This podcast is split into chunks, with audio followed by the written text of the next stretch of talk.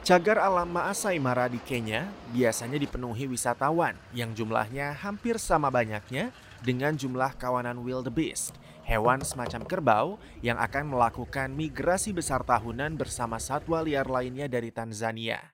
Akan tetapi, pariwisata itu sulit bangkit kembali setelah pada Juli dan Agustus pemerintah mengangkat aturan pembatasan perjalanan lokal dan internasional akibat COVID-19 yang mulai diberlakukan sejak Maret. Sekretaris Kabinet Kenya bidang pariwisata dan marga satwa Najib Balala menuturkan, In the last six months we have lost almost 800 million dollars in terms of revenue. Dalam enam bulan terakhir, kami sudah kehilangan hampir 800 juta dolar pendapatan bagi pemerintah. Kami tentu berharap bisa memperoleh 2 miliar dolar pendapatan bagi pemerintah dari sektor pariwisata. Tapi akibat pandemi, kami menderita banyak kerugian.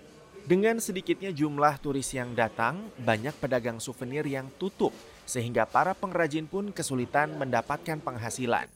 Nolta Pariki Semei memimpin kelompok pengrajin perempuan yang beranggotakan 3.000 orang. Pendapatan mereka anjlok hingga sepersekian dari penghasilan rata-rata per bulan sebesar 100 dolar, di mana mereka dan keluarga mereka menggantungkan diri. Nolta Pari mengatakan, sebagai pemimpin para perempuan di sini, hampir semuanya mengharapkan jawaban dari saya terkait bagaimana caranya bertahan di tengah pandemi. Saya benar-benar tidak berdaya dan bingung harus mengatakan apa kepada mereka dan bagaimana kita bisa melewati masalah ini. Untuk membantu para pengrajin bertahan, sejumlah lembaga bantuan lokal telah mendonasikan makanan.